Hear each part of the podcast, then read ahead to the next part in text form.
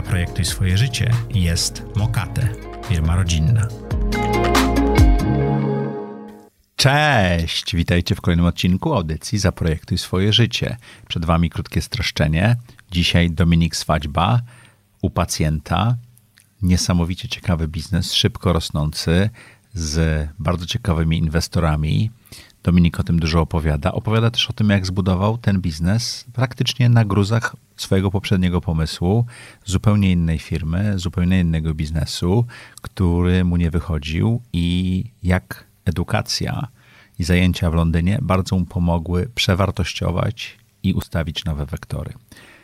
Ciekawa rozmowa z ciekawym człowiekiem w bardzo szybko rosnącym biznesie medycznym.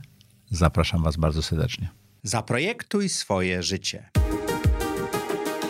Zapraszam Was do mojej autorskiej audycji Zaprojektuj swoje życie. Przedstawiam osoby, które podjęły nietuzinkowe wyzwania życiowe i biznesowe. Rozmawiamy o tym, co nas napędza i dokąd zmierzamy.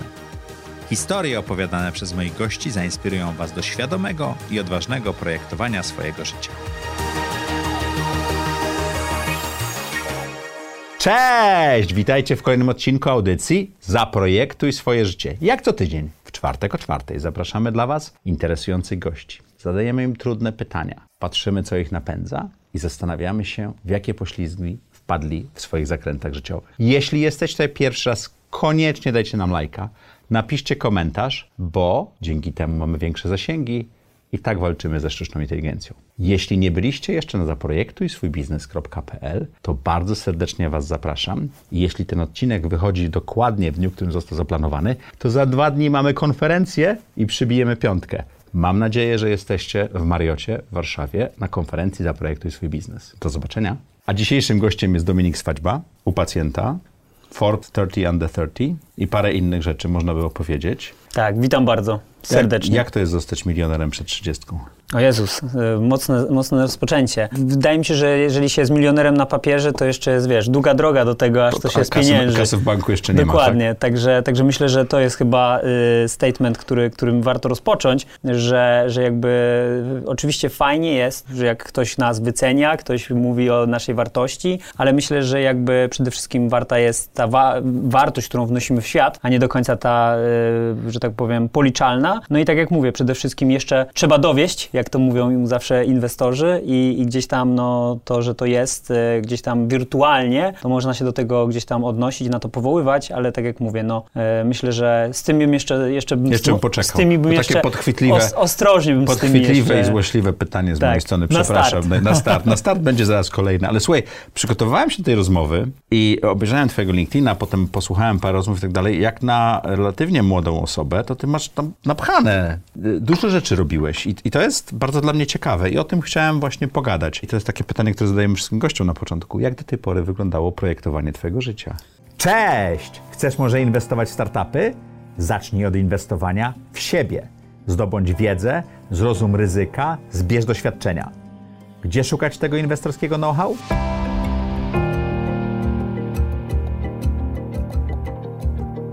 Moje doświadczenie inwestycyjne buduję już od ponad dekady. Mam za sobą wiele sukcesów, kilka spektakularnych porażek. Doskonale rozumiem wymagający świat startupów i wyzwań, które stawia on przed inwestorami. Podczas mojego kursu inwestycyjnego dzielę się z Tobą wiedzą i narzędziami, które umożliwią Ci uniknięcie największego inwestycyjnego ryzyka, czyli utraty Twoich pieniędzy. Poznasz efektywne sposoby oceny potencjału startupów, powiem Ci, jak zbudować portfel, który będzie dla Ciebie zarabiał Przeanalizuję najbardziej kosztowne błędy początkujących inwestorów, tak abyś Ty mógł ich uniknąć.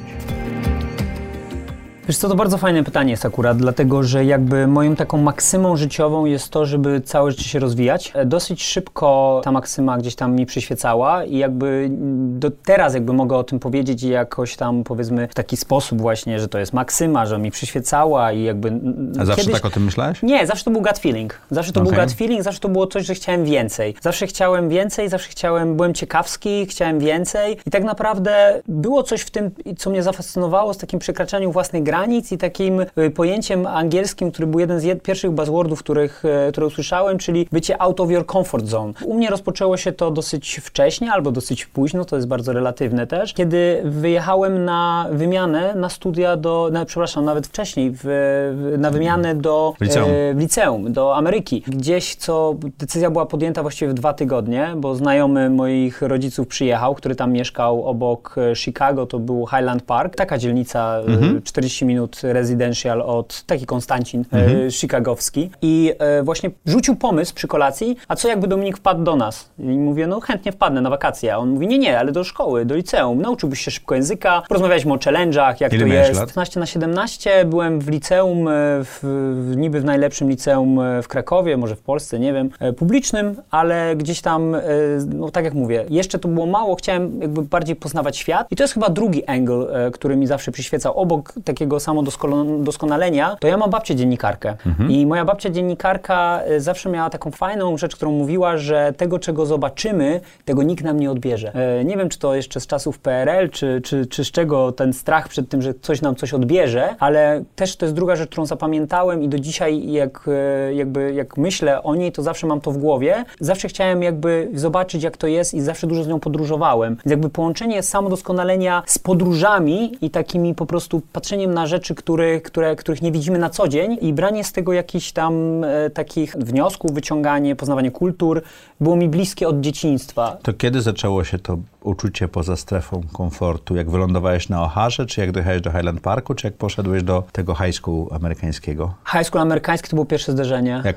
przez drzwi przeszedłeś, Przeszedłem tak? przez drzwi, tak, przeszedłem przez drzwi. I byłeś e, totalnie poza swoją strefą komfortu? Totalnie, dlatego że to było tak, że wiesz, Nowy nie wiem, czy przyszedł. można o tym mówić e, otwarcie, ale to nie był żaden program, to nie była żadna wymiana. To było, pojechałem tam na wakacje, poszedłem do tego, to się nazywa Dean's Office. Mhm. Ten Dean's Office to był znajomy tego mojego wujka przyszywanego, to się nazywa Guardian i tam chodziła jego córka wcześniej i jakby dogadali się, że pochodzę na chwilę do, do ich szkoły i to miało być coś takiego mało formalnego, więc jakby to nie był żaden program, nie miałem żadnego Czy ty chodziłeś schedule. na te zajęcia Ja tak, jak chciałeś, tak? Totalnie, wiesz, wszedłem pierwszego dnia, wszyscy popatrzyli na mnie, stała pani, to przyszedł ten dean, powiedział nauczycielce, żeby mnie przedstawiła i przedstawiła, że to jest Dominik z Polski, który od dzisiaj będzie chodził do nas do szkoły. No i tysiąc spojrzeń, wiesz, no może nie tysiąc, ale trzydzieści z sali. No i ja w tym wszystkim musiałem się odnaleźć i, i to było niesamowite i To czego nauczyła cię ta lekcja? Długo byłeś w, w tej... Pół roku, No no, bo tak- tyle ma wiza studencka, Okej. także nie zdążyłem Czyli nawet semestr. zmienić, e, tak, nawet nie zdążyłem, m, pięć miesięcy, trzy tygodnie, żeby Mhm. móc wrócić jeszcze na wizie studenckiej, także to była bardzo partyzancka wymiana, e, łącznie z tym, że nie wiedziałem, czy mnie przywrócą do szkoły polskiej, ale po prostu jakby poszedłem na całość e, i się udało. A to nie załatwiłeś sobie, że wrócisz? Powie... Nie, nie do końca. Powiedziałem, że ja, bo nie wiedziałem, czy będę chciał zostać, nie? Okej. I więc jakby to było trochę, trochę takie na zasadzie, ja bardzo, jakby ja się bardzo bałem, ja myślałem, że to są takie trochę żarty, nie? Że po prostu pójdę, ale to wiadomo, na tydzień,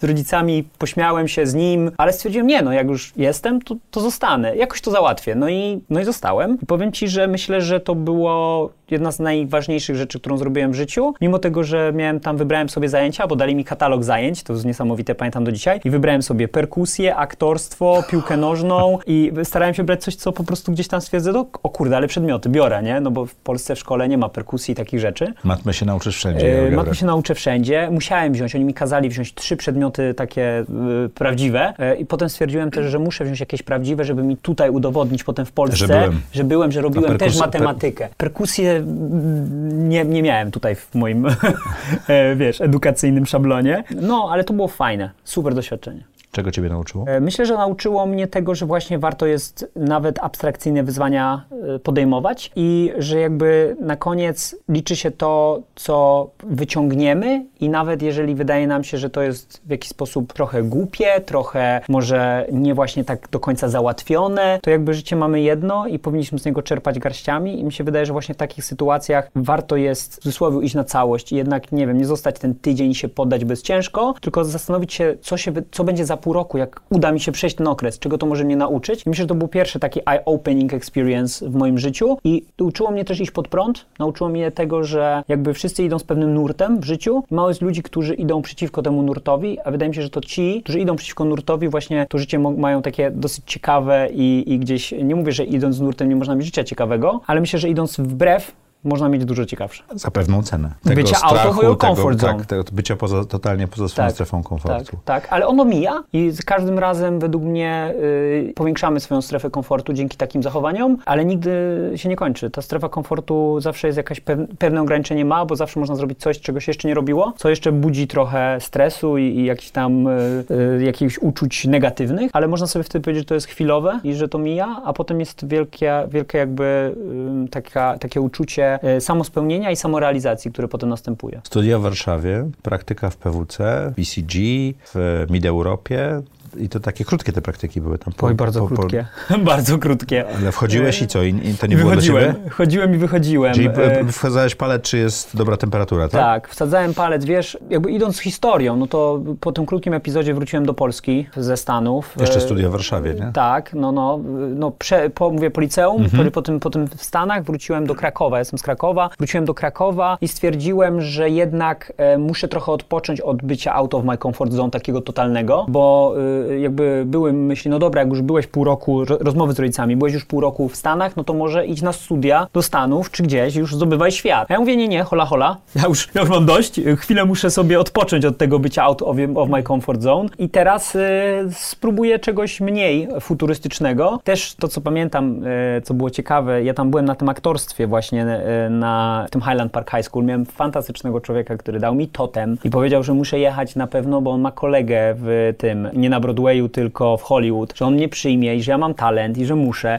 No i wtedy właśnie jakby na tyle mi się to spodobało, że miałem tak wyboru właśnie. Wracam do Polski, będę szedł zwykłą drogą albo właśnie idę jeszcze mocniej. I tu jest przykład tego, że jakby no jednak cofnąłem ten krok się, aby kiedyś zrobić dwa do przodu i jednak wybrałem coś, co jest bardziej tą safe drogą mhm. niż totalna futurystyczna wyprawa do Hollywood z totemem I, niedźwiedzia. I bycie aktorem. I bycie aktorem. Być może Oscarowym, a być, być może Oscarowym, nigdy. a być może ulicznym. Także jakby stwierdziłem, że robię krok w tył i myślę, że y, jakby ciężko powiedzieć, czy dobrze, czy nie. Może byłbym tą Oscarowym, ale, ale wydaje mi się, że z moim nazwiskiem byłoby to ciężko, musiałbym zmienić, bo nie jest takie proste, żeby go wymówić w Hollywood. No i potem Warszawa. Warszawa i to było taki trochę spokojniejszy out of my comfort zone. No wyprowadzenie się z domu już y, totalnie, więc za, zawsze jakieś wydarzenie, że wiesz, to w Stanach to było pół roku i to był bardziej taki ten, no tutaj już było całkowicie prowadzenie Jak było z tymi praktykami? Robię się w czasie studiów? Tak. Na pierwszym roku było PWC, mhm. na drugim roku był MIT Europa, to było w Londynie, a na trzecim roku e, było BCG. Czyli żebyś to planowałeś, żeby właśnie się nauczyć tego, tak? tak czym jest konsulting, tak, czym jest tak, e, tak. fundusz inwestycyjny, tak? Podobało mi się jedyny taki jeszcze sens, e,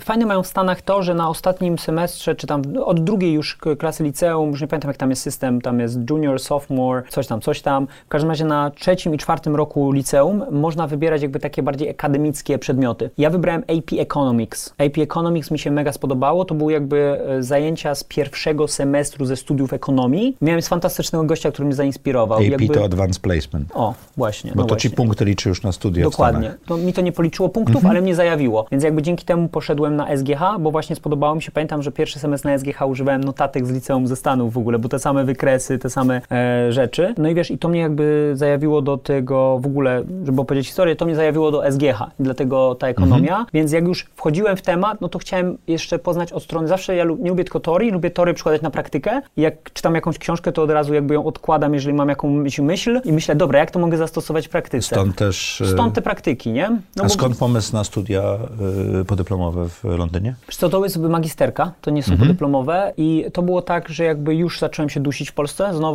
E, jakby czułem, że tutaj ten program magisterski nie bardzo jest czymś nowym. On jest często powtórzeniem licencjatu, szczególnie w moim przypadku, jak to było finanse i rachunkowość, finanse i rachunkowość, to finanse i rachunkowość pierwszy rok okazało się być tym, co robiliśmy na studiach licencjackich. Mogę parę słów powiedzieć o tym, jak, dlaczego uważam, że ten system nie chodzi i nie działa. Natomiast też druga strona medalu to była, ja już miałem wtedy startup i jakby chciałem go rozwinąć, a to był taki program akceleracyjno-magisterski. E, okay. I oni tam pomagali, więc jakby to był akcelerator. Pierwsze trzy biznesy po roku dostawały funding i, i jakby pomyślałem, fajnie, to spróbuję, zaaplikuję i nie dość, że będę się uczył czegoś, to od razu będę mógł w mój startup aplikować, bo to było tak, że tutaj miałem startup. Jak znalazłeś ten program? Mój kumpel, z którym mieszkałem, mhm. rok wcześniej poszedł na te studia, więc on jakby stwierdził, że on nie zostaje. Ja zostałem tylko dlatego, bo mieliśmy oboje plan z moim przyjacielem, z którym mieszkaliśmy, że oboje po licencjacie wyjeżdżamy, ale ja ja na trzecim roku licencjatu wymyśliłem sobie, że zrobię biznes, który mnie uwiązał, a on pojechał. No i on znalazł ten program, no i co miesiąc mnie gdzieś tam, że tak powiem, mówił mi i, i wciągał tą wędką. No i jak on już skończył, to ja wiedziałem, że muszę zaaplikować. Po prostu było na tyle to interesujące, co mówił, że stwierdziłem, że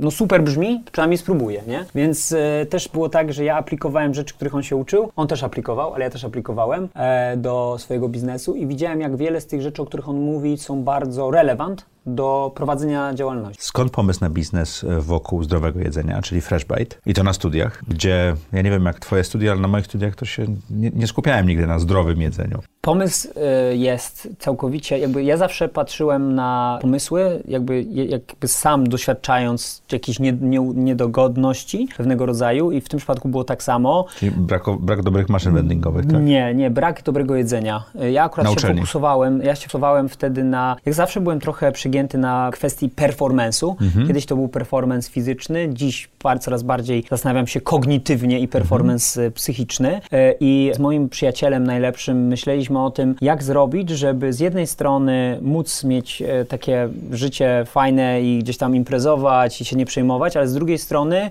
no jakby dobrze wyglądać, zdrowo się odżywiać, fajnie się czuć. No i z tym zdrowym odżywianiem zawsze był problem w Polsce, natomiast jak pojechałem do Londynu na te praktyki, do Meet Europa Partners w Londynie, byłem zafascynowany i to jest znowu chyba to, do czego chciałbym nawiązać w kontekście tego, co ja zawsze robiłem w życiu, czyli właśnie starałem się obserwować to, co widzę w innych krajach i zastanawiać się, hej, czemu my tego nie mamy tutaj? I było tak samo. Obserwowałem, że w Londynie to się nazywała restauracja, znaczy restauracja, kawiarnia się nazywała Pret a Manger e, i ona miała bardzo dużo e, tych swoich e, sklepów, e, kawiarni To na każdym sieć, to rogu. jest sieć, To, tak. to jest sieć. To było dawno, to było 10 lat temu, ale jakby e, przez to, że to było wszędzie, to ja nie miałem problemu z tym, że w ciągu dnia jem zdrową przekąskę, sałatkę, biorę sobie te rzeczy do pracy, idąc e, na spotkanie i jakby mogłem w miarę zdrowo, bo to oczywiście nie ma co przesadzać. Dzisiaj pojęcie zdrowia, a 10 lat temu pojęcie zdrowia, to wtedy to kanapka i sałatka to było super zdrowe. Dziś myślę, że można byłoby znaleźć więcej przeciwników niż orędowników sałatek z Pret a Manger. Natomiast to było fajne. Natomiast jak ja chodziłem na e, praktyki tutaj, czy na uczelnię tutaj, to 10 lat temu, znowu, to jest disclaimer na 10 lat temu, dlatego że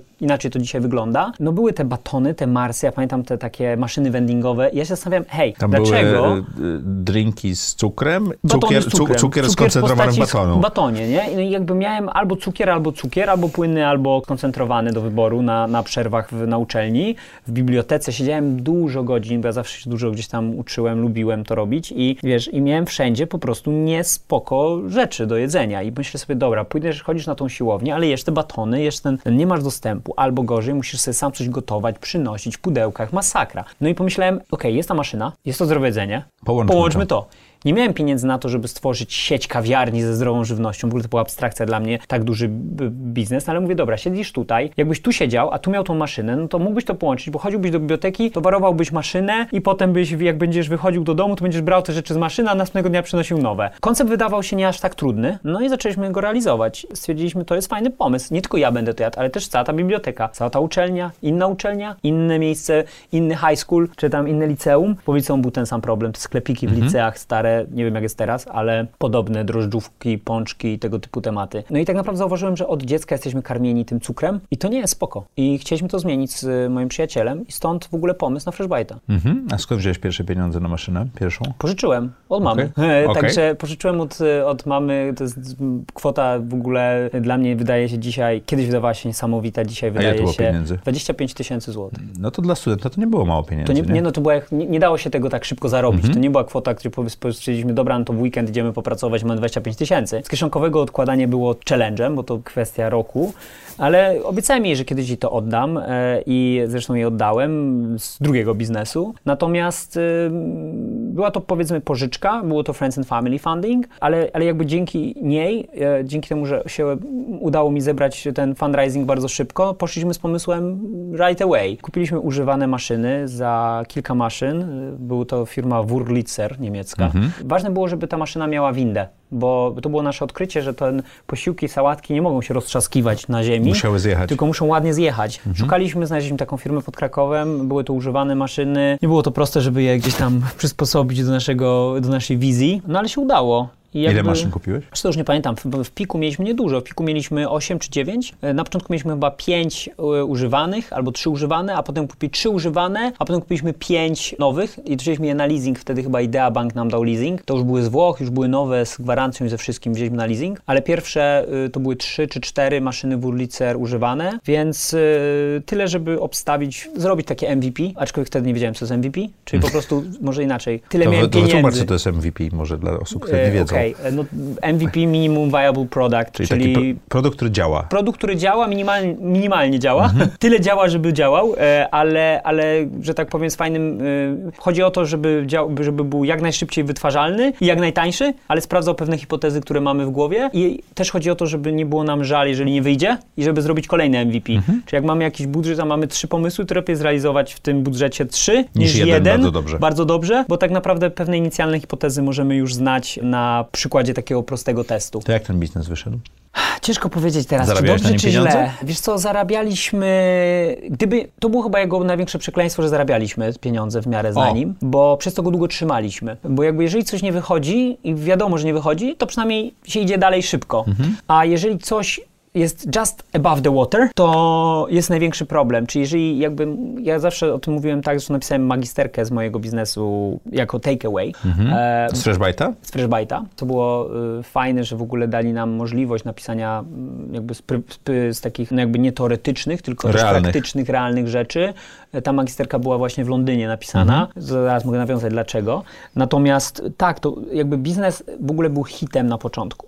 Zrobiliśmy najpierw to w dwóch czy trzech liceach. No jak dzieciaki e, zobaczyły, że mają wrapa z mango kurczakiem i sosem jakimś, już nie pamiętam, jakimś takim właśnie, wiesz, ciekawym, typu, nie wiem, co to było, czy To to się sprzedawało bez chimi. Chimichurri, czy jakieś inne, że tak powiem, dziwolągi. No byliśmy super cool, no byliśmy fajne logo versus y, ten stary sklepik. Po prostu była nowość, każdy chciał klikać. Jeszcze to był ten kwestia tego Mhm. technologii dla dzieci było fajne. Natomiast no było to za tanie, bo jakby, żeby robić te rzeczy, to powinniśmy za nie charge'ować pewnie 15, czyli, czyli jakby cena powinna być bardziej bliżej 15, no ale dzieci w liceum 15 zł za kanapkę, jak mają za 3 w sklepiku, no Drożdżowe. nie ma szans, nie? E, więc musieliśmy zejść z ceną, przez to te marże były bardzo tiny. Ale to, co było ciekawe, sprzedawaliśmy, były kolejki. To, czego nie przewidzieliśmy, że przerwy są za krótkie i że czas na zakup jest na tyle długi, że nie dało się tych kolejek w ogóle e, Zmniejszyć. zmniejszyć. Bo, Bo jakby dzieci miały bo- 10 minut, a maszyna ma swój czas. Więc no w ogóle były jaja, bo robiliśmy tam no w ogóle bardzo dużo rzeczy, których nie przewidzieliśmy, że nie przewidywaliśmy, się wydarzyło. I to jest po to jest właśnie MVP, żeby to jest sprawdzić. MVP, po to jest MVP. Ja, ja myślę, że my nie zrobiliśmy dobrego MVP za pierwszym razem, e, bo mówię, MVP było, u nas było naturalne, mieliśmy tyle kasy, ile mieliśmy, więc zrobiliśmy za tyle, ile mieliśmy. Nie nazywaliśmy tego MVP, można dzisiaj powiedzieć, że to było pewnego rodzaju MVP,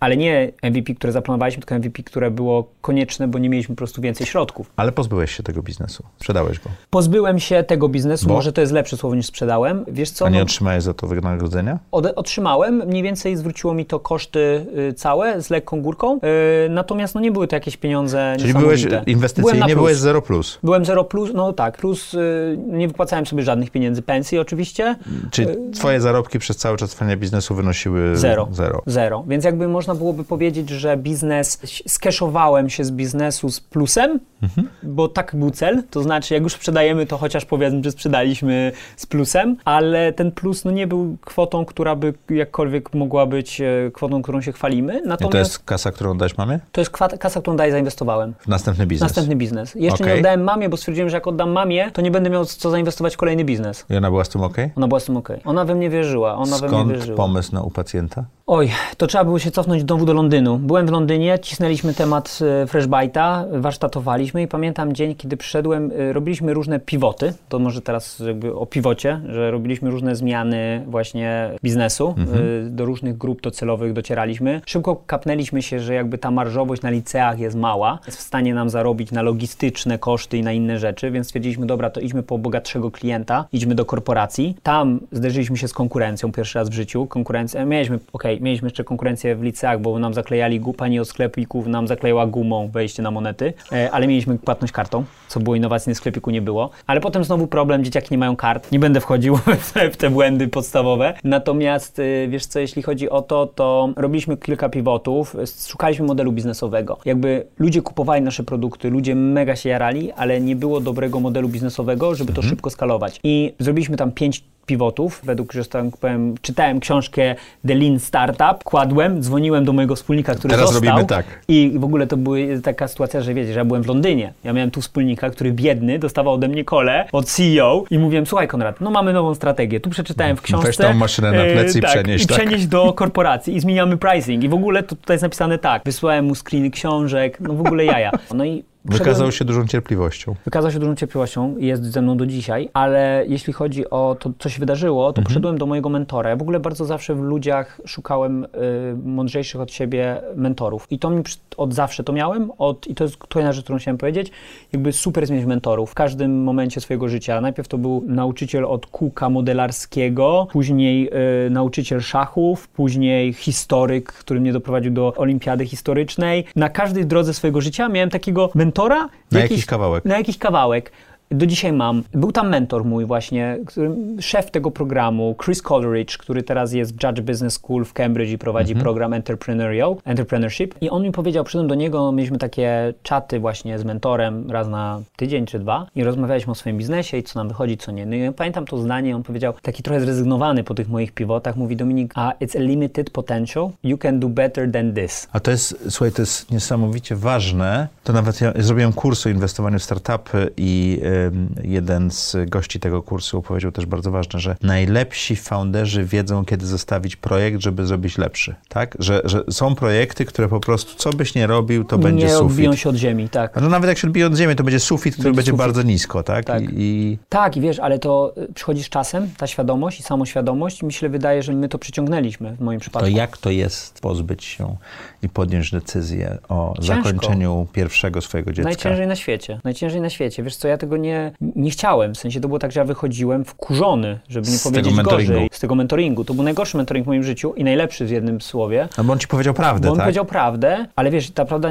nie chciała się przebić. To znaczy, wiesz, no kurczę, ja naprawdę byłem zajawiony tym tematem i to był mój pierwszy biznes. Ja naprawdę wierzyłem, że ja to mogę odbić. I pokażesz całemu I światu, pokażę, że... że... te wandingi będą stały na każdym rogu. Szukałem w Ameryce przykładów, że też takie były, też takie są pomysły. Dobrze, że na Tokio nie spojrzałeś. Dzisiaj pamiętam, Farmer's Fridge się nazywała firma. Tak. I wiecie, co jest naj, najśmieszniejsze? Że dzisiaj, że widziałem, ktoś mi ostatnio wysłał Farmer's Fridge i jak patrzyłem 10 lat temu, ile mają maszyn i dzisiaj, kurde, ta sama firma, a ja jestem gdzie indziej. To Znaczy mnie w sensie ona nie urosła, tak? nie urosła prawie, tak. E, Czyli to jest limited potential, tak? Tak, bo miały swoje ograniczenia, których ja jakby chciałem, jakby nie, nie chciałem w nie uwierzyć, ale ktoś widział z boku, a ja mu ze względu na to, że i ogólnie jakby wierzyłem, że są ludzie, którzy więcej przeżyli, więcej zobaczyli. Słucham gut feelingu, ale odbijam go zawsze od innych ludzi, którzy mają doświadczenie w danej materii większe. Ja w startupach nie miałem wtedy prawie żadnego doświadczenia. Nawet nie nazwałem mojego biznesu startupem mm, pierwszego.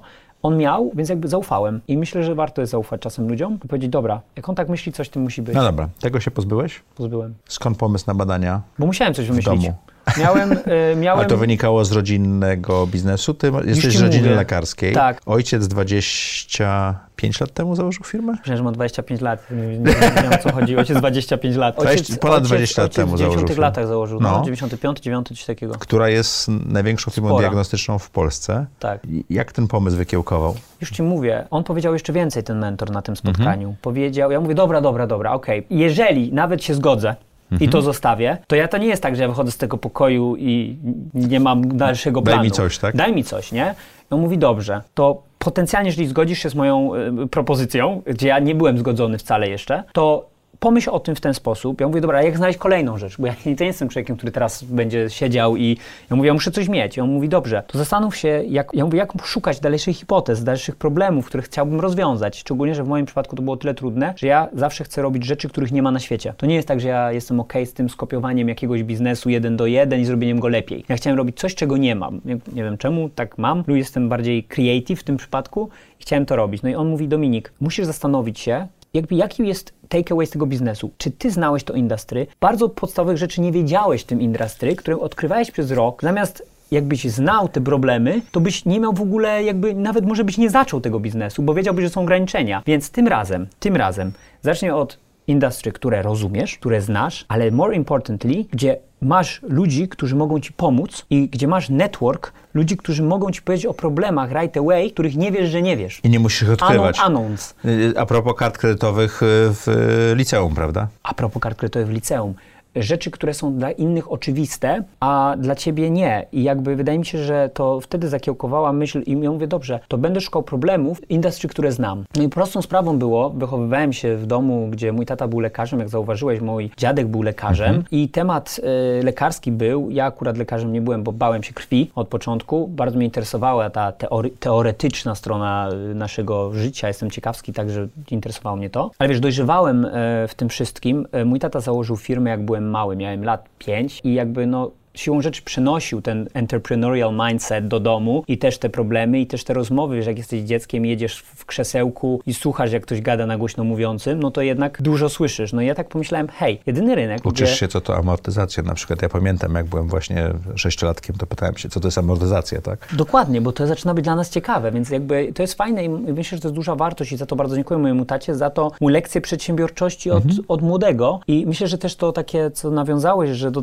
wsadzanie palca w kontekście moich praktyk, to też było to, że jakby ja w ogóle czułem, że to nie rezonuje, bo ja po prostu byłem nauczony czegoś innego. Od początku widziałem, że te schematy, które się poruszają w tych firmach dużych, to w ogóle nie, nie było to, jakby te konsultingi, to wszystko, jakby ja chciałem robić coś swojego. Czyli, przepraszam, że ci wejdę w słowo, to jest y, domeną tego, tego super, podcastu. Chodź. Czyli dorastanie w rodzinie przedsiębiorczej jest super wartością. Super wartość, bardzo wartościowe przeżycie i każdemu y, jakby tego życzę, ale to jest też to, że nawet jeżeli tego nie ma, to warto jest na wczesnym etapie czytać. rozmawiać, albo czytać, albo rozmawiać z przedsiębiorcami, bo wydaje mi się, że tutaj bardzo wielkie jakie znaczenie ma mindset. I jakby mhm. ten mindset jest tutaj chyba najważniejszy, bo firmy można prowadzić, wiesz, takie maksymy finansowe i coś, to jest podobne, ale tu chodzi o głowę, o mindset, o podejście. Podejście do ryzyka, podejście do decyzji i tak dalej. Do życia. Mhm. E, my jako najważniejszą wartość kulturową w naszej obecnej firmie mamy act like a funder. Jest numer jeden. I jakby bardzo dużo jakby mówimy o tym mindsetie ludziom i widzimy od razu na każdej rekrutacji, czy ktoś ma, czy nie ma entrepreneurial mindset. A on mówi sam za siebie i pozwala uniknąć bardzo wielu pułapek myślenia. Jeżeli się go nie ma, to dużo łatwiej wpadać w te pułapki. Czyli to ci pomogło?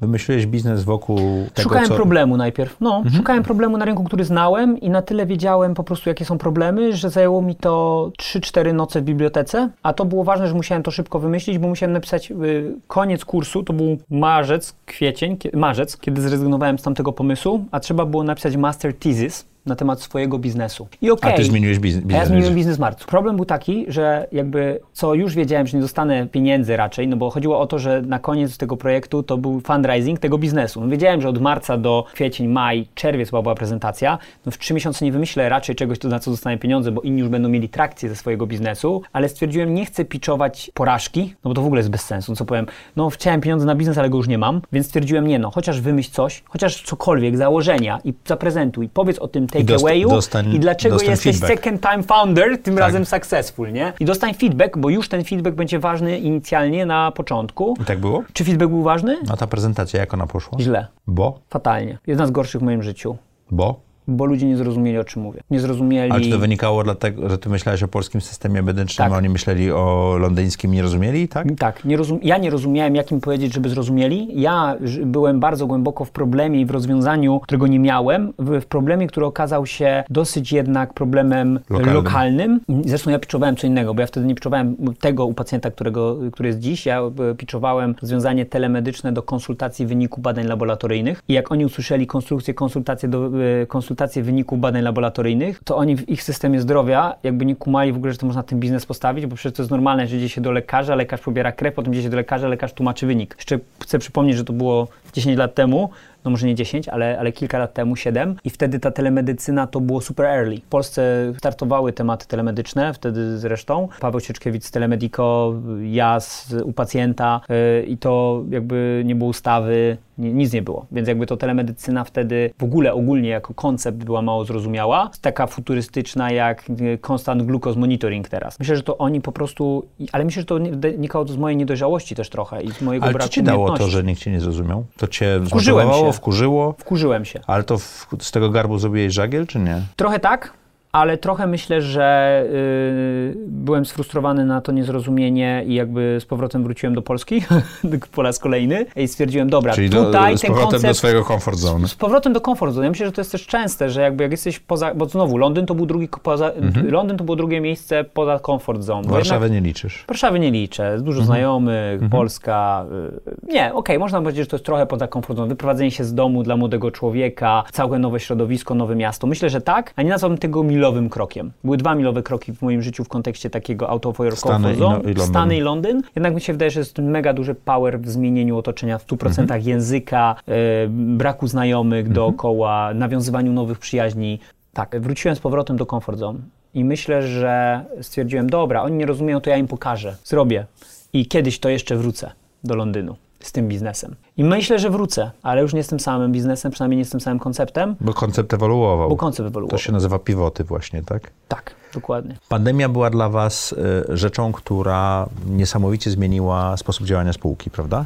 Bo Tak. mieliście kilka pomysłów, które równocześnie testowaliście, a pandemia y, część z nich wykluczyła, prawda? A część napędziła. Tak, znaczy y, pandemia była dosyć, zaczęła się jednak, okej, późno i wcześnie. Y, My zaczęliśmy biznes w 2017 roku. W 2017 roku to były konsultacje, czyli jakby biznes telemedyczny. Później zaczął się biznes y, badań krwi w domu. Y, To był y, 2018, Który jest korem w tej chwili. który jest teraz korem. E, Wiesz, my też po prostu dowiedzieliśmy się, robiąc telemedycynę, rozmawiając z lekarzami, z pacjentami, dowiedzieliśmy się, że tak naprawdę wiele pacjentów e, nawet nie ma, e, wiele lekarzy nie ma co konsultować, bo ci pacjenci nie wykonują tych badań. No jakby drążyliśmy temat, no i okazało się, że nie wykonują z, jakiegoś, z jakiejś przyczyny, że jest to dla nich po prostu niewygodne, niefajne. No i stwierdziliśmy, dobra, no to idziemy w to. I Albo jakby- boją się krwi, tak jak ty, czy pójścia do laboratorium. Krwi. Wiesz, ja się bałem krwi jedno, a drugie ba bałem się i mdlałem, co też gdzieś tam od zawsze miałem fizjologicznie. Jakby mdlałem przy pobraniu krwi, jakby samo miejsce, już jakby i myślenie o tym miejscu, jak to Zapach. wygląda i zapach. Wiesz, moje panie, które wkładają we mnie żyły, przez moje operacje też regularnie mówią, jak pan się zrelaksuje, to znajdę żyłę, bo jak nie, to ona się chowa, tak? Zapadają się, Tak. Zapadają się, ja to miałem, zapadają się, pół godziny nie leci krew na przykład, mimo tego, że, że, że gdzieś tam osoba... Poziom stresu duży. Jest wkuta. Więc jakby y, ja to zwalczyłem dzięki mojej firmie i jak moje, naszemu rozwiązaniu i bardzo się tego cieszę. Czyli rozwiązałeś taki bardzo realny dla ciebie problem. Bardzo realny rozwiązałem. Bardzo realny i bardziej realniejszy niż brak jedzenia w szkołach i w liceach i w ogóle. Y, Zawsze starałem gdzieś tam rozwiązywać problemy, które czułem sam. Ja w tym roku, w tym roku pobrałem już krew dwa razy. Bez stresu? Bez stresu, na kanapie, na... mam swoją domu. metodę w domu. Y, Zawsze fascynowało mnie, jak się mdleje, że szybko ludzie podnoszą nogi do góry. Więc stwierdziłem, dobra, no to jak będę podnosił nogi do góry podczas pobrania, to nie będę mdlał. Dzia- Zadziałało u mnie, ale nie będę siedział w punkcie pobrań, podnosił nóg do góry, nie mam gdzie, jak na krześle w ogóle. E, głupio mi było zawsze pytać, czy mogę się położyć, jak tam widziałem po prostu jakieś dziewczyny czy, czy, czy, czy, czy osoby. Nie chciałem tak, kurde, nikt się nie kładzie, ja się będę kładł. Stwierdziłem, że to głupie. U w mdlałem za u każdym siebie w razem. domu byłeś w swojej strefie komfortu, tak? Dokładnie tak. I to chyba jest fajna rzecz, żeby jednak w pewnym momencie wiedzieć, kiedy warto wychodzić ze strefy komfortu, a kiedy jest to po prostu być może niepotrzebne. I w tym przypadku wychodzenie ze strefy komfortu po to, żeby zbadać się i przez to, nie, że to jest nieprzyjemne, to nie badać się w, konsekwencji, nie wiedzieć nic o swoim zdrowiu, jest dla mnie czymś, co uważam, chciałem ludziom pomóc yy, i mam nadzieję, że się to udało. Jak zdobyliście pierwsze pieniądze na rozwój biznesu? Wiesz co, pierwsze pieniądze mieliśmy, mieliśmy trochę pieniędzy z tych, tego pierwszego biznesu. To było Czyli ze inicjalnie sprzedaży. ze sprzedaży. Y, Inicjalnie były to pieniądze, które jakby zainwestowałem w bardzo podstawowe rozwiązanie do konsultacji telemedycznych. To była platforma, bo stwierdziłem, że po zrobieniu, wiedziałem, już byłem nauczony tych wszystkich, wiesz, y, jak to zrobić, żeby się dowiedzieć bez y, wydawania pieniędzy. Miałem taką książkę bardzo fajną, którą używałem, The Mom Test, czyli jak stestować problem ze swoją mamą, tak żeby powiedziała, że coś jest niefajne, jeżeli jest niefajne. E, robiłem różnego rodzaju wywiady, no ale z wywiadu wyszło mi, że taka rozwiązanie, takie platformy byłoby potrzebne, więc nie, umia- nie jestem koderem, nie umiałem tego zakodować, ale stwierdziłem, dobra, no tak naprawdę zrobimy ten rozwiązanie Pierwsza platforma kosztowała 24, najpierw 18 tysięcy niby miała kosztować, a kosztowała 24 tysiące, więc żadne pieniądze, to jest, patrząc po pensjach dzisiejszych deweloperów, to jest pensja dewelopera miesięczna. I to był taki inicjalny moment. Y, Dosyć szybko udało się mm, pozyskać klientów na te konsultacje medyczne, dlatego że współpracowałem z firmą też mojego taty, która po prostu miała klientów na badania, którzy nie rozumieli wyniku, więc po prostu konsultowali je u mnie. I tutaj wracamy do Twojego mentoringu. To warto robić w miejscach, które znamy, gdzie możemy się poradzić, ale też wesprzeć biznesowo, tak? Ja myślę, że tak. Ja myślę, że to jest bardzo. Ja myślę, że tutaj bardzo ważna jest rzecz, którą się nauczyłem w Londynie i w Stanach, która powodowała też moje myślenie, że w Polsce mamy taką tendencję do nazywania, że ludzie idą na łatwiznę, bo używają jakby rzeczy i środków, które mają dookoła siebie. Ja myślę, że to nie jest pójście na łatwiznę, ja myślę, że to jest cała mądrość wartość wynika z tego, żeby korzystać z resources i źródeł wsparcia, które mamy, no bo jakby to jest najważniejsze, żeby umieć wykorzystać to, co widzimy i na tym budować. I A też... to tak jak matka Billa Gatesa była w Radzie Nadzorczej IBM-a i tadam, powstał Microsoft, tak? Dokładnie tak. I myślę, że to jest ważne, że oni z tego się nie boją, oni wręcz mówią, że głupotą jest z tego nie korzystać. I oni mnie tego nauczyli, więc jakby ja o tym myślałem, to od początku myślałem, fajne rzeczy zrobił mój ojciec. Fajnie można jakoś wesprzeć, synergię jakąś zbudować, bo nie chodziło o to, żebym otworzył inny punkt pobrań, czy inne laboratorium obok niego i konkurował, czy coś. Właśnie pomyślałem, gdzie są rzeczy, których oni nie robią i nie będą robić, bo nie są w linii z ich strategią, ale których mogą potrzebować ich pacjenci. Y, Zawsze najtrudniejszy jest start, zawsze najtrudniej jest mieć pierwszych pacjentów, więc wydawało mi się to naturalne i udało się to zrobić, że po prostu pierwsi pacjenci się pojawili. Ja to, co zawsze fajnie udawało mi się zrobić, to ja robiłem takie dosyć przyziemne rozwiązania biznesowe. Ja przez to, że nie do końca umiałem technologię, bo nie byłem właśnie koderem czy, czy, czy, czy, czy kimś takim, zawsze starałem się z, roz, y, finansować z przychodów. I tak samo Freshbite finansował się od pierwszego dnia z przychodów, czyli z pieniędzy, które płacili za nasze jedzenie. Mogłeś za leasing zapłacić maszyn. Dokładnie, więc on nie był hiperrentowny, ale spłacał się biznesowo i konsultacje wyników badań płacały się w pierwszym miesiącu, bo model był tak zgrany, że po prostu kons- koszt konsultacji i wynagrodzenie konsultującego było zgrane, że zostawał margines. I jakby inicjalnie jakby biznes się rozwijał też wolno, bo wolno, z przychodów, które zarabiał.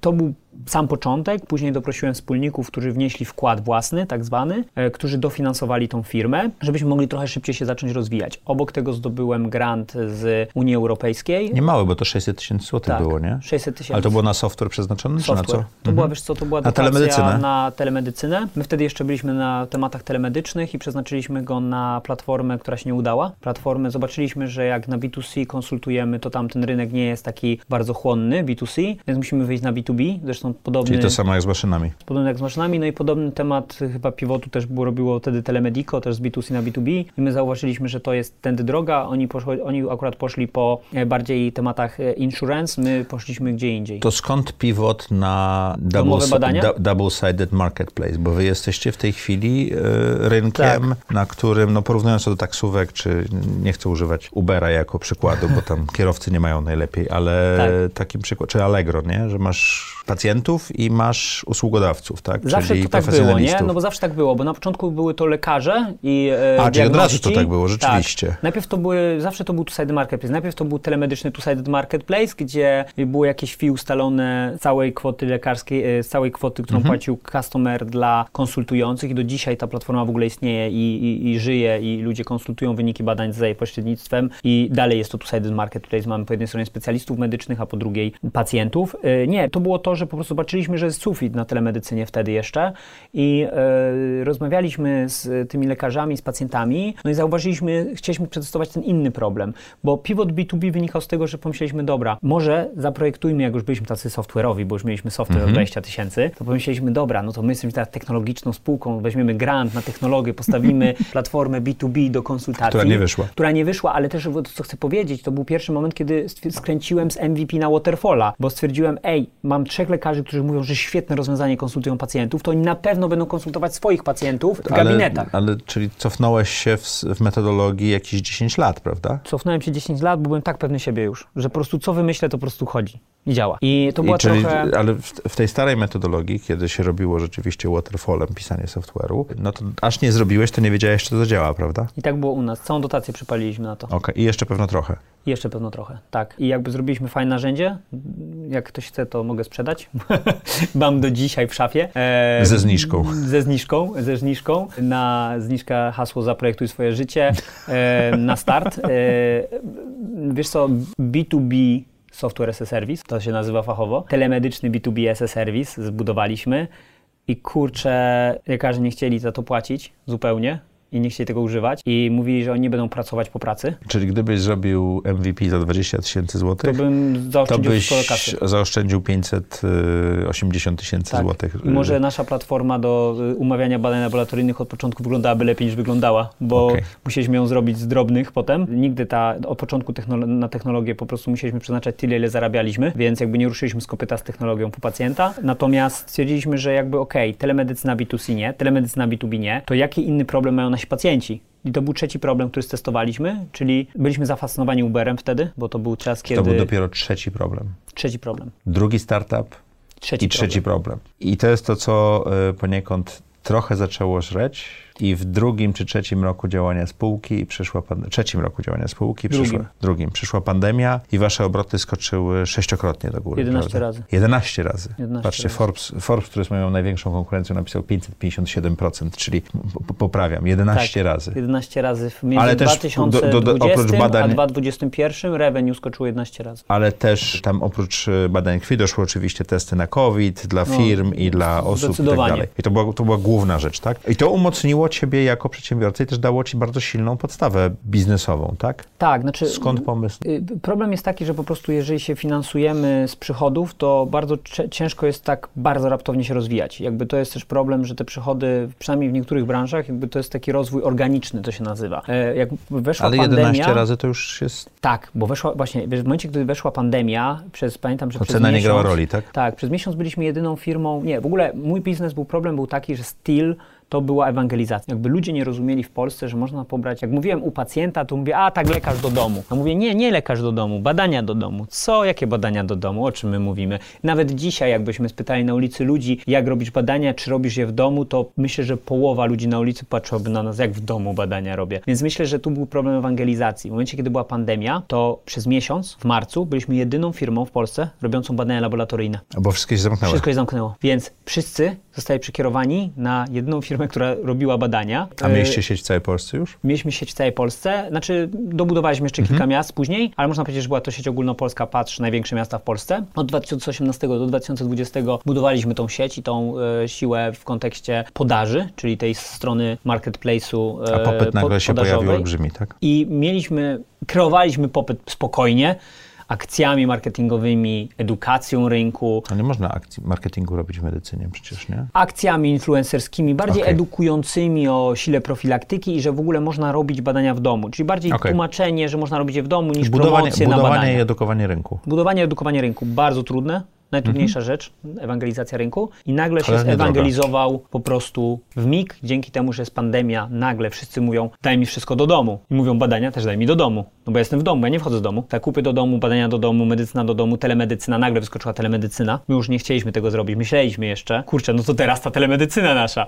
A potem przypomniałem sobie, nie, fokus w życiu jest najważniejszy. Zostawmy telemedycynę, rozwijajmy się w tym core biznesie. I wiesz co, i po prostu wtedy też e, odcięliśmy nasze pomysły, bo jeszcze mieliśmy, wtedy jeszcze, przed pandemią, mieliśmy badania laboratoryjne, wszystkie inne usługi pielęgniarskie i położnicze, łącznie z kroplówkami. Mieliśmy, zaczęliśmy rehabilitację w styczniu. A ja, a ja jeszcze- zamykałem rehabilitację w marcu. A ty zamykałeś w marcu, ja Od, poniedział, od poniedziałku do czwartku. W poniedziałek się dowiedzieliśmy, że w czwartek zamykamy biznes. Ja tak? też zamknąłem, tylko mniejszy biznes e, i tylko w Krakowie. I to było tak, że jeszcze mieliśmy koncept na wizyty lekarskie. Chcieliśmy zrobić cała, koncept był Wszystko. House Med, wtedy się to nazywało. House Med, nasza nazwa firmy wtedy. I był to medycyna do domu.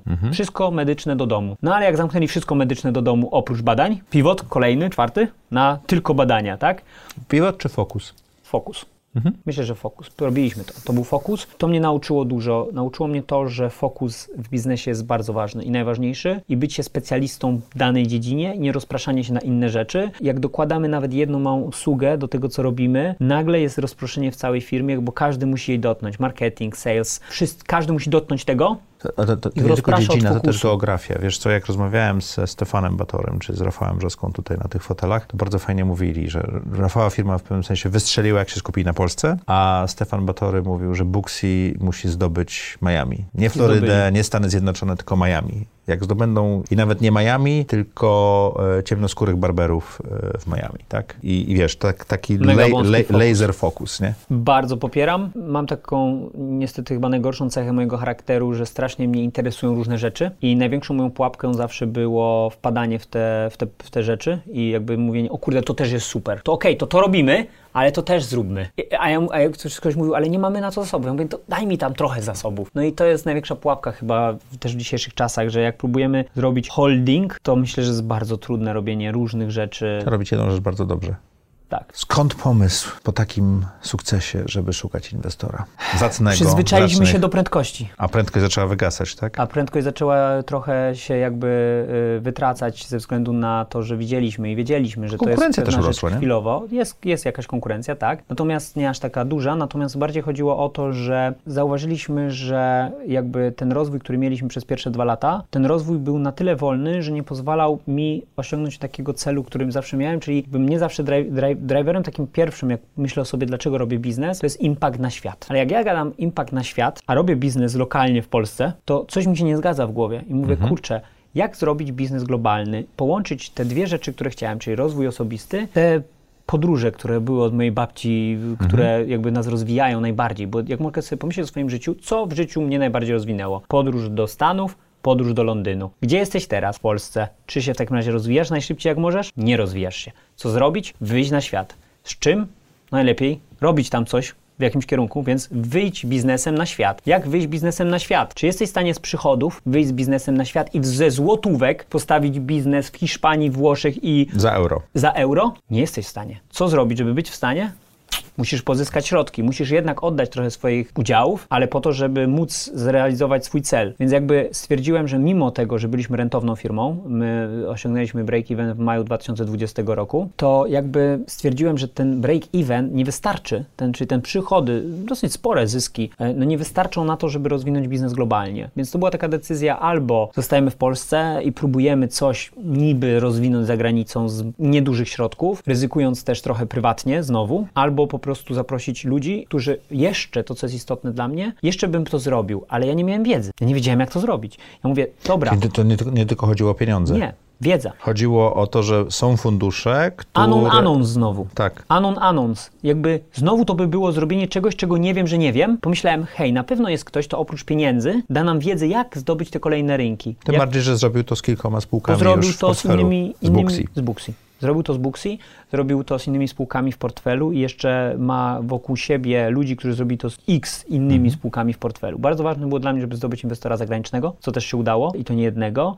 bo chciałem zdobyć ludzi, y, chciałem zrobić dwie rzeczy. Inwestorów zagranicznych, instytucjonalnych, ale także angel inwestorów i aniołów z zagranicy, którzy powiedzą, hej, by the way, to w Barcelonie to wygląda tak, w Australii to wygląda tak, żeby złapać perspektywę, szczególnie kolejna... Żebyś nie miał tego, co miałeś w Londynie w czasie prezentacji. Właśnie chciałem do tak? tego nawiązać, bo jeżeli jesteśmy, patrzymy tylko na swój rynek, to nie wiemy, jak to wygląda, więc ciężko zbudować model biznesowy na rynek, o którym nie mamy pojęcia. Oczywiście możemy samodzielnie pojechać do każdego rynku i się go nauczyć. Czas tracimy, więc lepiej mieć kogoś, kto nam powie i zbriefuje nas z danego rynku i powie, hej, ten rynek działa tak, ten działa tak i my już możemy się przygotować, możemy wybrać rynek, do którego chcemy pojechać, e, a nie po prostu ślepą kulą w płot zwalić. Jak duże jest u pacjenta w tej chwili? Zależy, jaką metrykę przyjmiemy. Pozyskaliście ponad 20 milionów złotych Tak. e, przy zacnej ewaluacji, Tak. o której nie mówisz. Nie, nie, nie mówię waluacji, wiesz, jakby wydaje mi się, że waluacja jest jeszcze, jakby nic nie daje. Na papierze. y, Jest na papierze, nie Dobrze. monetyzuje się. No wiesz, Natomiast... ja zawsze pytam, nigdy nie wiadomo, co, co gość powie. Tak, tak. Nie, wiesz co, jakby wydaje mi się, że to nie jest rzecz, którą bym się chciał chwalić. Bo- Jak duży to jest zespół? Wiesz co, w tym momencie jest nas ponad 200 osób całej, w całej firmie, y, jeśli Mhm. Ale chodzi o... wliczasz- Wliczam specjalistów medycznych, Okej. więc myślę, że jeżeli byśmy odliczyli specjalistów medycznych, jest to powyżej setki osób Mhm. pracujących w biurze. Mniej więcej rekrutujemy na co tydzień, co tydzień dołączają do nas nowi ludzie w tym momencie, ale jest to myślę w okolicach między 120 a 130 osób, którzy pracują jakby nad tym biznesem. Na razie to są ludzie zatrudnieni w Polsce. W ilu miastach jesteście? Jesteśmy w, operacyjnie działamy w 20 miastach, a biura mamy w dwóch miastach, w Warszawie i w Krakowie. A ty gdzie spędzasz czas? Tu i tu. Okej. Tydzień tu, tydzień tu. Dwa tygodnie tu, dwa tygodnie tu. E, Od 10 lat. Także od kiedy wyjechałem z Krakowa, jak Na miałem studia. 19 lat na studia, przyzwyczaiłem się do życia trochę tu, trochę tu. Wtedy wracałem tylko na weekendy, teraz wracam, bo pierwsze biuro u pacjenta założyliśmy w Krakowie. Tam był mój wspólnik Konrad Kargol, mój największy przyjaciel, z którym zrobiłem Freshbite'a, e, a teraz u pacjenta. On mieszkał i był z Krakowa i studiował w Krakowie i tam razem założyliśmy u pacjenta. Mamy tam pierwsze nasze biuro ale już rok temu przeprowadziliśmy się bardziej do Warszawy. Zobaczyliśmy, że jednak ten, po pierwsze, najlepszy rynek dla u pacjenta to jest Warszawa, tu mamy najwięcej przychodów. Ale też talentu łatwiej znaleźć więcej. Dużo łatwiej talentu znaleźć. Znaczy taki nie, zależy jakiego talentu, bo tam na przykład mamy zespół Product Team, czyli zespół technologiczny mamy w Krakowie, natomiast zespół taki menadżerski, kadry wyższej, który potrzebowaliśmy i teraz bardzo potrzebujemy, żeby rozwinąć biznes, to jest więcej w Warszawie. I co dalej? Świat. Od razu cały? Nie, na razie Europa. E, na razie Europa. To dalej jest duży kontynent. E, tak, wiesz co, y, na razie jesteśmy u pacjenta, mhm. więc y, na razie u pacjenta e, właśnie przeprowadzamy... Znany lekarz też się nazywał kiedyś. Znaczy, znany lekarz. Doc Planner też się nazywał kiedyś znany lekarz. lekarz. My już mamy y, kolejny koncept, co zrobić w kontekście naszego rebrandingu na świat. Tutaj jeszcze nie mogę mówić, bo jeszcze tutaj jesteśmy na etapie, że tak A ten HomeMed nie powróci? Nie powróci, nie powróci. Okay. HouseMed nie powróci, HouseMed. HomeMed nie powróci, Home Lab nie powróci i żadne przaśne zestawienie dwóch mhm. pięknych lub niepięknych psów nie powróci. Mamy fajny koncept, mm, e, koncept podobny do tego, co jest napisane na tej filiżance tutaj, e, z tego co widzę, ale, bo też na L, ale, ale jeszcze nie chcę zdradzać, bo tutaj są kwestie jakieś prawne i trzeba no mieć domenę, trzeba mieć zarejestrowany znak słownograficzny i inne rzeczy. Natomiast myślę, że fajny koncept, więc od tego trzeba zacząć, żeby nie nazywać się po polsku na zagranicy i tu jesteśmy już na dobrej drodze. No i chcemy na jesieni mhm. być na dwóch rynkach e, europejskich. Myślimy o Włoszech, myślimy o Hiszpanii. Też się przeprowadzisz, jak Mariusz e, przeprowadził się do Hiszpanii? Wiesz co, Mariusz się przeprowadził, ja będę pewnie jeszcze jeździł, zamiast między dwoma, to Stefan między się trzema do, do Stanów, przeprowadził. przeprowadził. Tak? No, myślę, że będę musiał przeprowadzić na chwilę do Włoch, do Hiszpanii, e, może do Londynu, ale nie wiem jeszcze, nie wiem, czy mi się spodoba, nie planuję jeszcze aż tak, mhm. ale na pewno jest moim marzeniem to, żeby pracować w tamtych krajach i z ludźmi z tamtych krajów. Jak prowadzenie firmy zmieniło twoje życie? Hmm, ciężkie pytanie. Długo nie prowadzę te firmy. mamy trudne. Tak, wiesz co, dużo, dużo, długo prowadzę te firmy i moje życie y, prowadzę, zacząłem prowadzić na tyle w młodym wieku, że jakby naturalnie wypełniło to mój czas wolny. Czyli ewoluowałeś razem z firmą? Na pewno. Tak? Tak, tak, wiesz co, ewoluował mindset, uczyłem się dużo o kwestiach firm, jakby bardzo, ja też robię bardzo dużo analogii w życiu, życia jakby powiedzmy prywatnego do firmowego. E, u mnie te rzeczy się, ja nie mam dwóch telefonów służbowego i prywatnego, jakby u mnie to, też, to jest bardzo związane jest jedno z połączone. drugim, to jest połączone. Ja tak jak mówię wszystkim zawsze, że praca jest w moim przypadku nad swoimi konceptami, to jest moja największa pasja e, i myślę, że to co się zmieniło, no to kiedyś jak nie miałem swojej firmy, no to miałem też więcej innych pasji, które robiłem e, i które były większymi, no bo nie było tej największej. Teraz to jest moją największą pasją, do której mogę usiąść w niedzielę i siadam z przyjemnością, jak mam na to czas i szczególnie spokój, że nikt do mnie nie dzwoni, nie robię operacyjnej pracy, tylko mogę coś pomyśleć koncepcyjnie i to jest, to jest frajda. Myślę, że o tyle nie zmieniła, że ja zawsze taki byłem, bo tak jak Ci mówię, ja jak jeździłem w krzesełku, to słuchałem i miałem entrepreneurial mindset. Więc jakby z podejścia, to ja po prostu takiego wyrosłem, z podejścia przedsiębiorczego, więc jakby można powiedzieć, że ja nie znam innego podejścia niż przedsiębiorcze w, swojego, w swoim życiu i ona jakby bardzo mnie, mnie nauczyła i utwierdziła w przekonaniu, że to jest to, co chcę robić, że tego bym nie zmienił. Więc teraz to, co staram się robić, to wszystkim, jak tylko mają taką iskrę w sobie, przebłysk, że, że może to, to by zrobić, to ja po prostu wszystkim to radzę, bo uważam, że dużo łatwiej jest, że tak powiem, z, można powiedzieć failed business opportunity, ale można powiedzieć, że z właśnie z jakiejś fajnej przygody, cofnąć się potem do pracy dla kogoś innego, pracy nad kogoś innego niż marzeniami, versa. niż vice versa. Poza tym w ogóle zawsze jest lepiej realizować swoje marzenia niż cudze. I myślę, że to jest ważne. Więc jakby myślę, że po prostu prowadzenie swojej firmy utwierdziło mnie w przekonaniu, że to jest to, co chcę robić i że to jest gdzieś tam sens mojego życia, zrobienie tego impaktu na, na Europę, na świat, na, na ludzi, E, i na ich życie. I jak myślę, że jakby to jest jakby coś, co mnie drive'uje i co powoduje, że wstaję każdego dnia i myślę, że to jest jakby utwierdzenie, że odnalazłem w tym sens swojego życia i myślę, że na jakiś czas teraz e, no, robię to i jest mi z tym po prostu dobrze, nie? Super. Dominiku, jest taki moment w audycji, że wszystkim gościom zadajemy podobne pytania, żeby trochę lepiej ich poznać. Mamy nawet hashtag na to trudne pytania. Jesteś gotowy? Nie ciężkie, tylko trudne. Trudne. Jasne. No, ciężar jest względny, trudność może być bezwzględna. Czy możesz opisać najlepszą decyzję, jaką podjąłeś w życiu? Najlepszą i najtrudniejszą decyzją to już było to, o czym rozmawialiśmy, e, czyli to było zostawienie swojego pierwszego biznesu i pójście dalej. Na pewno dlatego pytałem, czy najtrudniejszą, czy najlepszą, bo myślę, że ona była i najtrudniejsza, i najlepsza. Ja naprawdę Naprawdę ciężko się rozstać z pierwszym biznesem i naprawdę warto to zrobić, jeżeli czujemy, że jakby to się nie chce oderwać od ziemi i jakby, jakby cały sufit. czas jest sufit, jest to takie, wiesz, wiesz, trochę takie bycie nad wodą, ale czujemy, że tego rozwoju nie ma już i czekamy na coś, co może się wydarzy, ale się nie wydarza od jakiegoś czasu, ale mówimy, ej, jeszcze za tym zakrętem, a i za tym jeszcze, może, a jeszcze zobaczymy. I myślę, że to była moja najlepsza decyzja, że po prostu powiedziałem sobie, nie mając nic dalej, dalej, bo to jest chyba ważne i trudność polega na tym, że coś musimy zostawić, co całkiem działa, żeby pójść w nieznane i może coś znajdziemy, a może nie. Więc jakby myślę, że to była najlepsza moja decyzja, bo ona doprowadziła mnie do miejsca, gdzie jestem. Tych decyzji było sporo. Myślę, że to była. Chciałem nawiązać, bo była najlepsza i najtrudniejsza. Były jeszcze inne, które były na pewno dobrymi decyzjami. Ale mówimy o jednej. E, co daje Ci najwięcej energii czy satysfakcji w życiu? Ostatnio daje mi dobre opinie o, naszy, o, o naszej usłudze naszych pacjentów. Bardzo lubię, y, jak gdzieś tam kogoś, kogo też nie znam, poznaję po raz pierwszy i pyta mnie kto coś, co robię i mówię mu, co robię, a on mówi, a to wiem, wiem, to miałem, to super, super, naprawdę świetna usługa, mega miła pani, e, nie, naprawdę rewelacja, super, bardzo się cieszę, że to zrobiliście, bo miałem taki problem, inny problem, cokolwiek. I się rozwiązał. I się rozwiązał, także myślę, że to jest gdzieś tam, czuję wtedy, że ej, robimy to dla ludzi, to, to jest super, to, to ktoś z tego korzysta i jest zadowolony i to jest mega driver, także myślę, że to jest to. Jak wygląda Twój typowy dzień? Ostatnio go ustabilizowywuję. Ja, O. byłem, e, ja byłem nocnym markiem zawsze, e, jak to można powiedzieć, że jest się sową albo, albo, albo skowronkiem, to ja zawsze późno chodziłem spać. E, Natomiast ostatnio dowiedziałem się, że bardzo ważne jest, żeby chodzić spać wcześniej w kontekście y, tak zwanego deep sleep, którego trzeba mieć półtorej godziny w ciągu nocy, żeby mm, być e- efektywnym. Jak już mówiłem, zawsze miałem gdzieś tam zboczenie w kierunku efektywności y, siebie i samego. No i teraz ten dzień y, jakby układam dlatego, że zauważyłem, że wkracza do niego chaos, bardzo dużo wyrywanej operacyjnej pracy. E, Mój dzień wygląda tak, że staram się wstać rano. Rano to znaczy siódma, a nie dziewiąta. Kiedyś dla mnie, jak ktoś mówił rano, to ja mówiłem, to dziesiąte się widzimy. E, Teraz staram się, żeby to było wcześniej. E, Też zauważyłem, że te pierwsze godziny, e, jeżeli się wysypiamy, one są naprawdę fajne, produktywne, umysł jest świeży. Zawsze staram się zrobić coś związanego z ruchem rano, dlatego że znowu w kontekście efektywności nakręca to pewnego rodzaju metabolizm i daje taką energię fajną.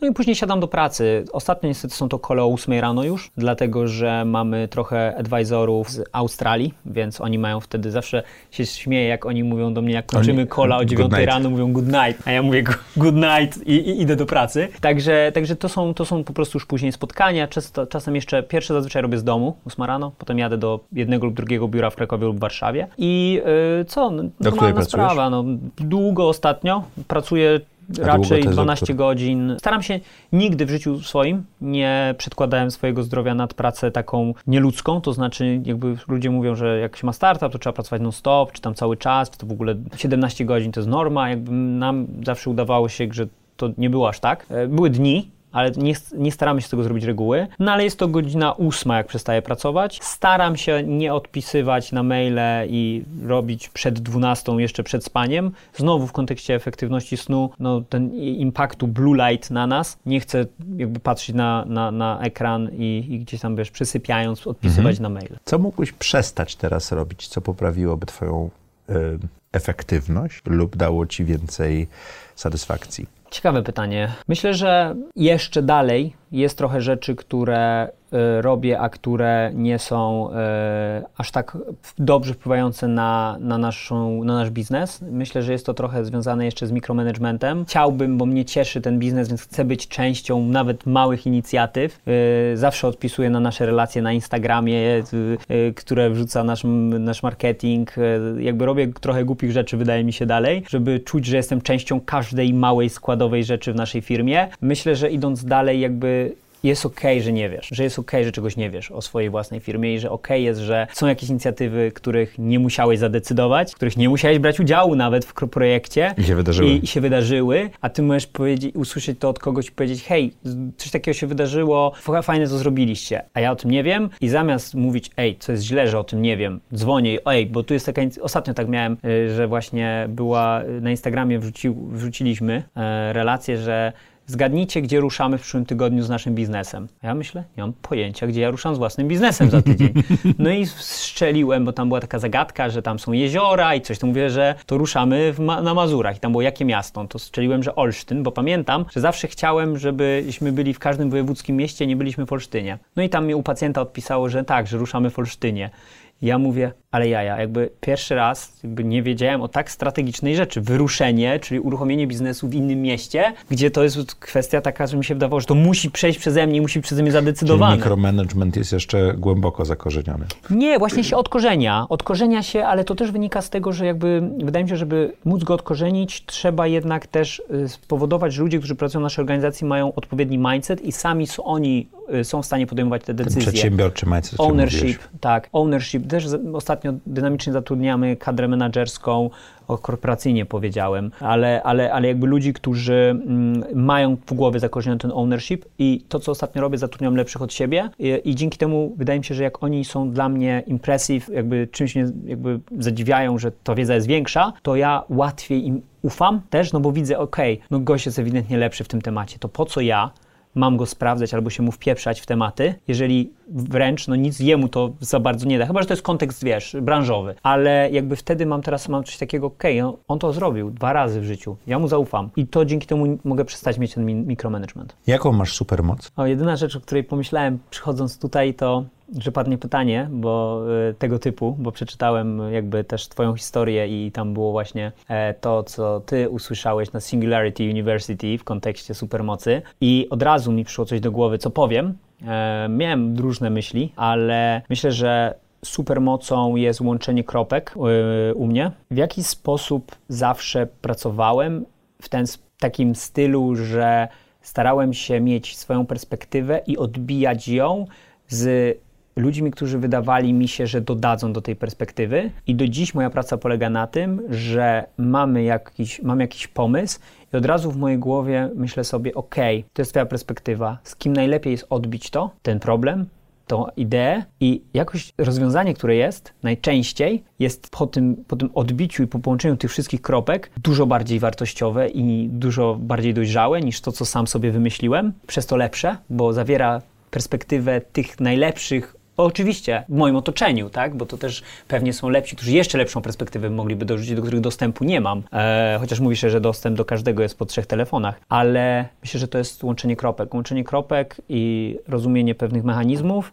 Myślę, że to jest to. Jakimi ludźmi się otaczasz? Jak budujesz swoje wewnętrzne kręgi? Przede wszystkim staram się, żeby ludzie wokół mnie Ci najbliżsi, byli drajwowani, żeby drajwowały ich podobne wartości. Mhm. Miałem różne grona znajomych w swoim życiu i y, jak idę, jak patrzę sobie refleksyjnie, z kim było mi najbliżej, to właśnie było mi najbliżej z ludźmi, którzy wyznawali w życiu podstawowe te same wartości. Tak samo dobieram najbliższe kręgi prywatne, tak samo dobieram najbliższe kręgi firmo, firmie i w ogóle tak samo rekrutuję do firmy ludzi, którzy po prostu wyznają te same e, zasady. Lubię ludzi, którzy nie są ograniczeni, którzy chcą więcej od życia i zawsze myślą, jak więcej mogą mieć. Nie więcej w kontekście ani materialnym, ani też jakby tutaj nie chcę popaść w paranoję. To nie jest też tak, że to chodzi o jakiś wyścig, bo bardzo ważne jest to, żeby też umieć, że tak powiem, docenić to, co mamy i, i, i nie biec za, za, za tym króliczkiem przysłowiowym całe życie, ale jednak jakby, którzy wstają z pasją i, i chcą jakby więcej się o sobie dowiedzieć, czy, czy coś zrobić. Tak myślę, to jest też taka najważniejsza rzecz. Lubię ludzi inspirujących, lubię ludzi, którzy w jakiś sposób do czegoś mnie inspirują i, i myślę, że tak dobieram e, osoby, które, którym się otaczam. I myślę, że też są ludzie, którzy chcą robić coś dobrego dla innych. Jakby to, to jest jedną z moich... Dzielenie się, tak? Słabych może, znaczy słabych, mocnych i słabych cech, to ja po prostu staram się być zawsze bardzo dobry dla ludzi. Mhm. Jakby ja jakby nie chcę nikomu zrobić krzywdy. Jestem bardzo, staram się być bardzo dobrym człowiekiem, co często ludzie mogą wykorzystać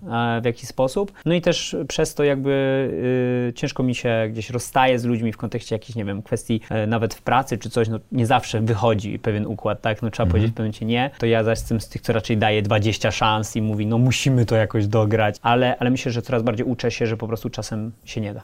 Okej. Okay. Książka która? O kurczę, parę ich było. Jedna? E, jedna książka. Hmm. Wiesz co, startupowo to jest Zero to One. To już czwarta, którą wymieniłeś, dlatego mówię biedna. Tak. Już, już trzy były przedtem. Tak, Zero tak, to One, tak. bardzo Zero dobra one, książka. Zero to One i powiem, że jeszcze druga supermoc, o której myślałem, to Zero to One. To znaczy jakby ja, y, wydaje mi się, że taką, nie, nie chcę powiedzieć, że to jest supermoc, bo na razie były tylko dwa, czy trzy, czy cztery rozwiązania, które wymyśliłem od zera, ale jakby ja, mnie bardzo cieszy y, wymyślanie i kreatywność i wymyślanie od zera. Mhm. Tak bym powiedział, że czy jestem lepszy, bo są ludzie, którzy są lepsi od Zero to One i są tacy, co są lepsi lepsi od one to one thousand. Mhm. To ja jestem zdecydowanie zero to one, e, bo lubię to jest. Dużo trudniejsze. Proszę? Co jest dużo trudniejsze? Prawdopodobnie tak, ale, ale po prostu przez to, że to jest trudniejsze, też mnie bardziej cieszy, e, Mhm. więc jakby tak to, tak to wygląda. Więc myślę, że chociażby w tym koncepcie to będzie to książka Zero to One. Czego nauczyła cię pandemia? Pandemia nauczyła mnie, że doceniać rzeczy, które mamy blisko siebie. Patrząc na moje życie i na te wyjazdy, i na te podróże, i na te jakby właśnie tą chęć zdobywania świata, to trochę jakby wydaje mi się, że w mojej głowie, nie fizycznie, ale psychicznie zaniedbałem jakby cieszenie się z tych naszych zwykłych polskich przeżyć. E, I, i myślę, że to nauczyło mnie, że można mieć naprawdę fantastyczny zarówno czas, jak i, e, jak i życie będąc wśród najbliższych w domu, e, a nie tu w hotelu, tu na plaży, tu w dżungli, że jakby też można jakby bardzo fajną satysfakcję czerpać z bycia z najbliższymi i jak ważne te więzi najbliższymi są. Więcej czasu spędziłem z rodziną i jakby bardzo to doceniam i uważam, że taki czas rodzinny przez to jeżdżenie moje, jakby nie było tego tak dużo, a jak mogliśmy zjeść śniadanie, obiad, kolację jednego dnia Razem? razem całą rodziną, niesamowity experience, w sensie nie miałem tego od 10 lat, żeby zjeść wszystkie posiłki razem, e, obok świąt i, i po prostu muszę powiedzieć, że jakby no niesamowicie to doceniłem. Także docenienie tych przyziemnych rzeczy, e, które, o których nie warto jest się jakby w tym pośpiechu życia i w tym samorozwoju, o których nie warto zapominać. Dominiku, co chciałbyś, żeby widzowie i słuchacze audycji Zaprojektuj swoje życie zapamiętali z tej rozmowy? W ogóle o tym nie mówiłem, ale chciałbym, żeby ludzie zapamiętali, że warto się badać. Że warto się badać, warto wykrywać choroby. Jakby specjalnie wybrałem to, dlatego że nie rozmawialiśmy o tym w ogóle. Jest to misją mojego życia, żeby ludzie mieli tą samoświadomość o tym, jak ważne jest zdrowie, bo zdrowie jest rzeczą najważniejszą, którą mamy i fundamentalną. Chciałbym, żeby ludzie to zapamiętali, bo cała rozmowa kręci się wokół czegoś innego, wokół bardziej innych spraw, y, którymi się dzisiaj zajmowaliśmy. Także chciałbym, żeby to też ludzie A zapamiętali. to wydłuża życie, re- realnie. Mm, Bo to realnie wydłuża nasze życie, a życie jest wspaniałe i jakby zajmując się wszystkimi hobby pasjami, o których dzisiaj miałem przyjemność mówić i to, co mnie w życiu drive'uje, mogę to robić dlatego, że jakby mam to szczęście, że jestem osobą póki co y, zdrową y, i jakby uważam, że zdrowie jest fundamentem do wszystkiego innego, więc jakby bardzo y, ważne jest to, żebyśmy mieli się badali, badali się często i jakby mieli samą świadomość swojego zdrowia i do tego po prostu bardzo zachęcam. Dziękuję Ci ślicznie. Dziękuję bardzo. Wam. I jak co czwartek o czwartej zapraszam do Zaprojektuj swoje życie.